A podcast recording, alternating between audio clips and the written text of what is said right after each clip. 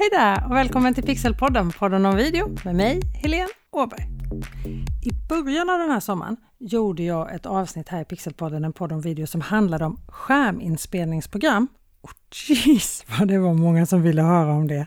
Och det var många som hade frågor om det. Så jag tänkte att jag gör ett avsnitt till om skärminspelning, men med lite mer fokus på vad du ska tänka på och mycket mindre fokus på program och sånt. Avsnittet av Pixelpodden, en podd om video som handlar om skärminspelning och vilka program du ska använda, det hittar du som nummer 105. Och vill du ha både anteckningar till det programmet och hela avsnittet samtidigt så går du till pixelhouse.se avsnitt 105 pixelhouse.se avsnitt 105. Då hittar du allt där.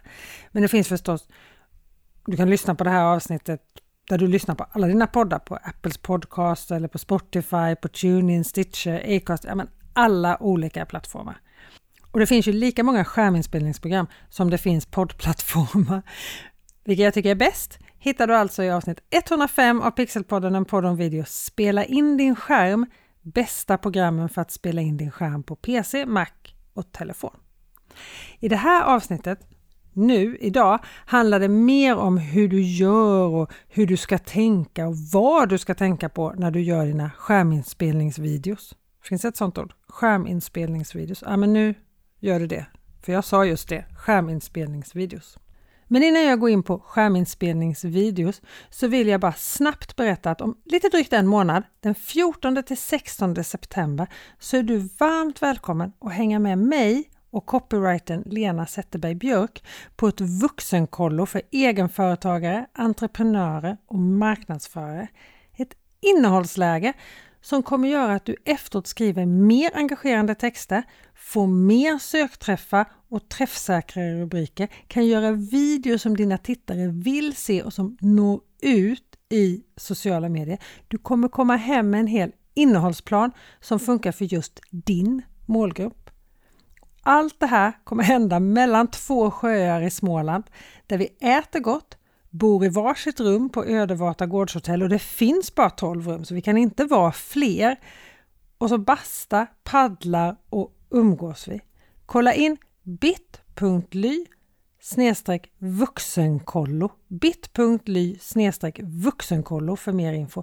Men vänta inte, du vill inte missa det här, jag lovar. Okej, okay. Skärminspelningsvideos var ordet för dagen, eller i alla fall för det här avsnittet. När ska du använda det? Skärminspelningar kan vara toppen tycker jag att använda när du ska göra utbildningsvideos, handledning i någonting både internt och externt, demos, presentationer, när du vill avlasta supporten på företaget. Men det finns många användningsområden. I mitt eget företag har jag främst gjort utbildningsvideos när jag har använt mig av skärminspelningar. Och så har jag gjort handledningar när jag har visat saker som vi ska göra om och om igen i något projekt.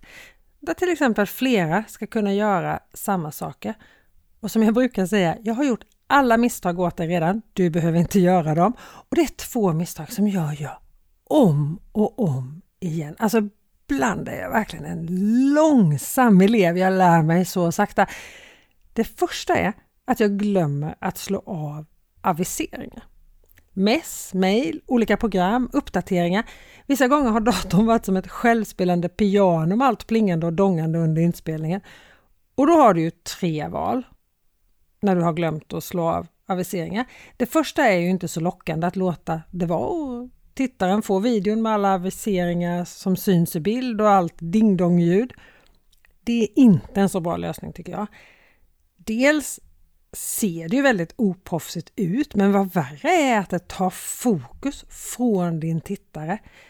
Eller från det du försöker visa för din tittare.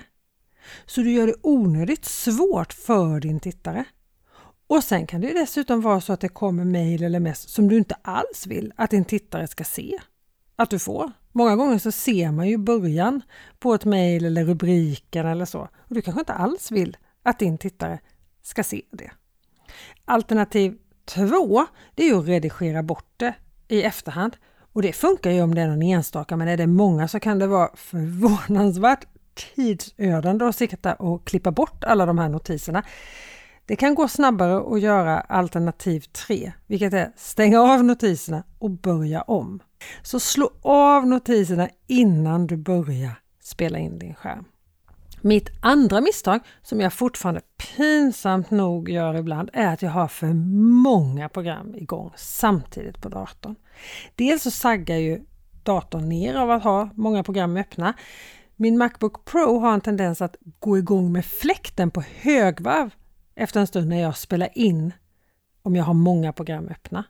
Och då påverkas ju ljudet av allt störande brus, vilket är så onödigt och som kan vara superjobbigt som lyssnare eller som tittare då att höra det här brusandet.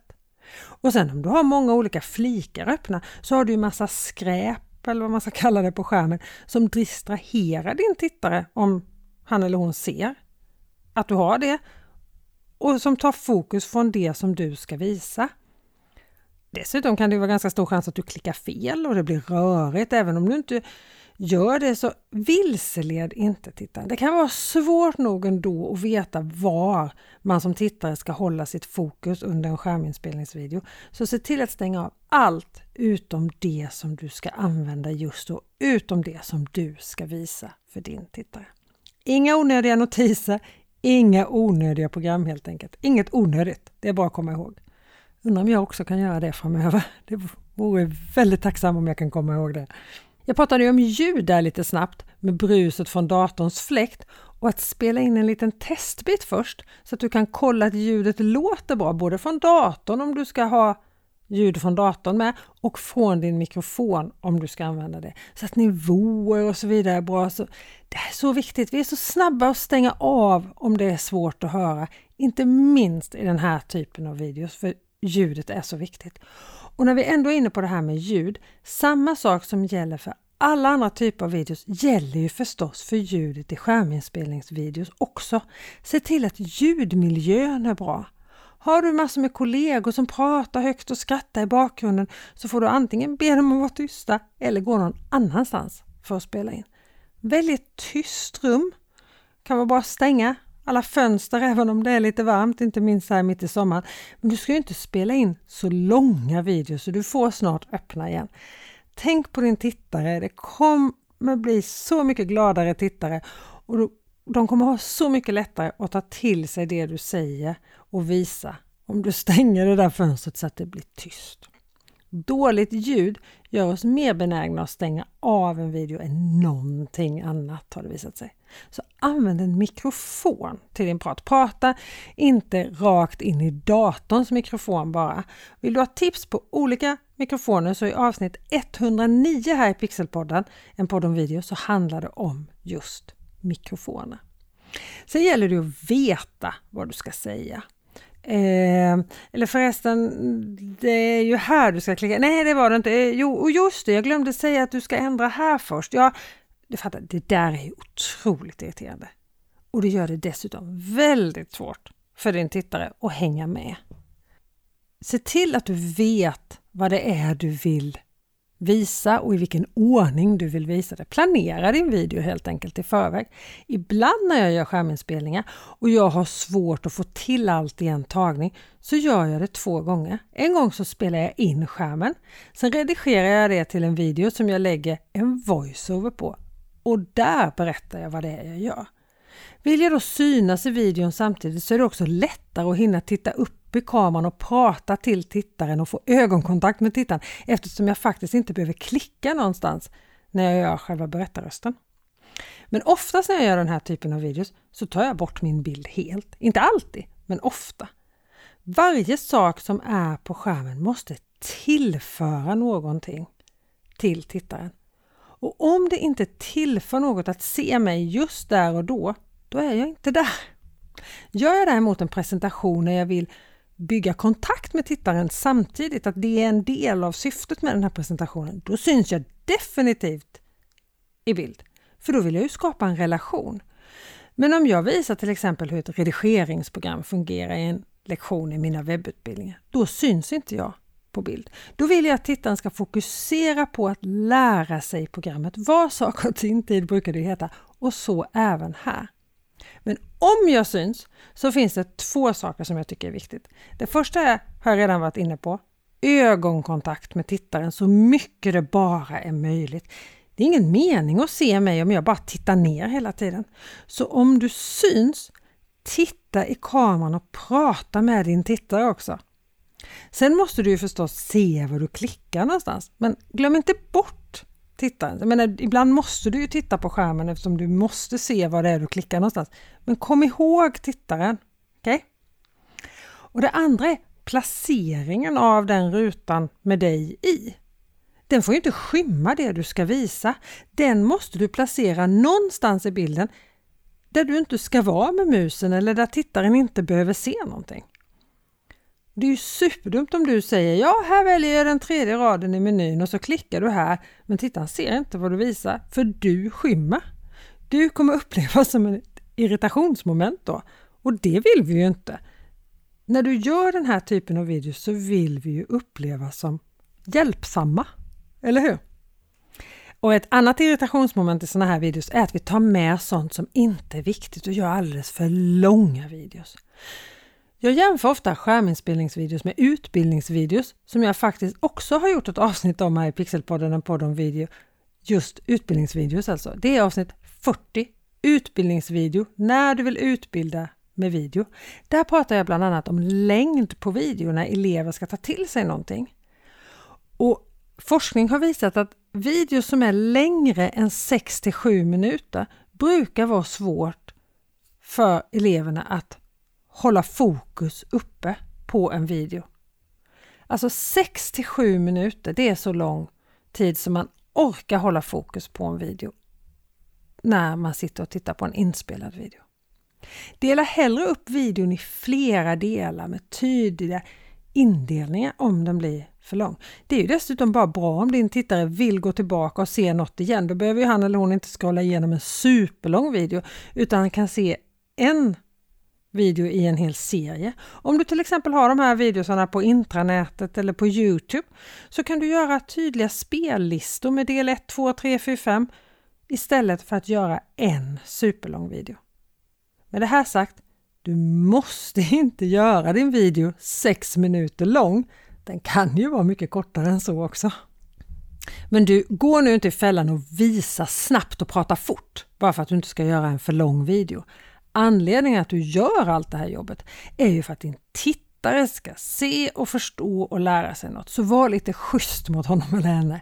Snarare att du behöver förklara ganska sakta och tydligt. Och detsamma gäller dina musrörelser, alltså hur du rör muspekaren. Håll dem långsamma och peka och klicka bara när det är viktigt. Så fort du rör musen så kommer din tittare titta på den rörelsen. Ögat kommer dras automatiskt dit. Om du bara okynnesrör på musen så distraherar du tittaren och gör det svårt för honom eller henne att ta till sig det du egentligen pratar om. Jag tycker att funktionen där du kan få muspekaren att bli sådär extra tydlig på skärmen när du spelar in som vissa skärminspelningsprogram som jag pratade om i avsnitt 105 av Pixelpodden, podden om video, är en superbra funktion.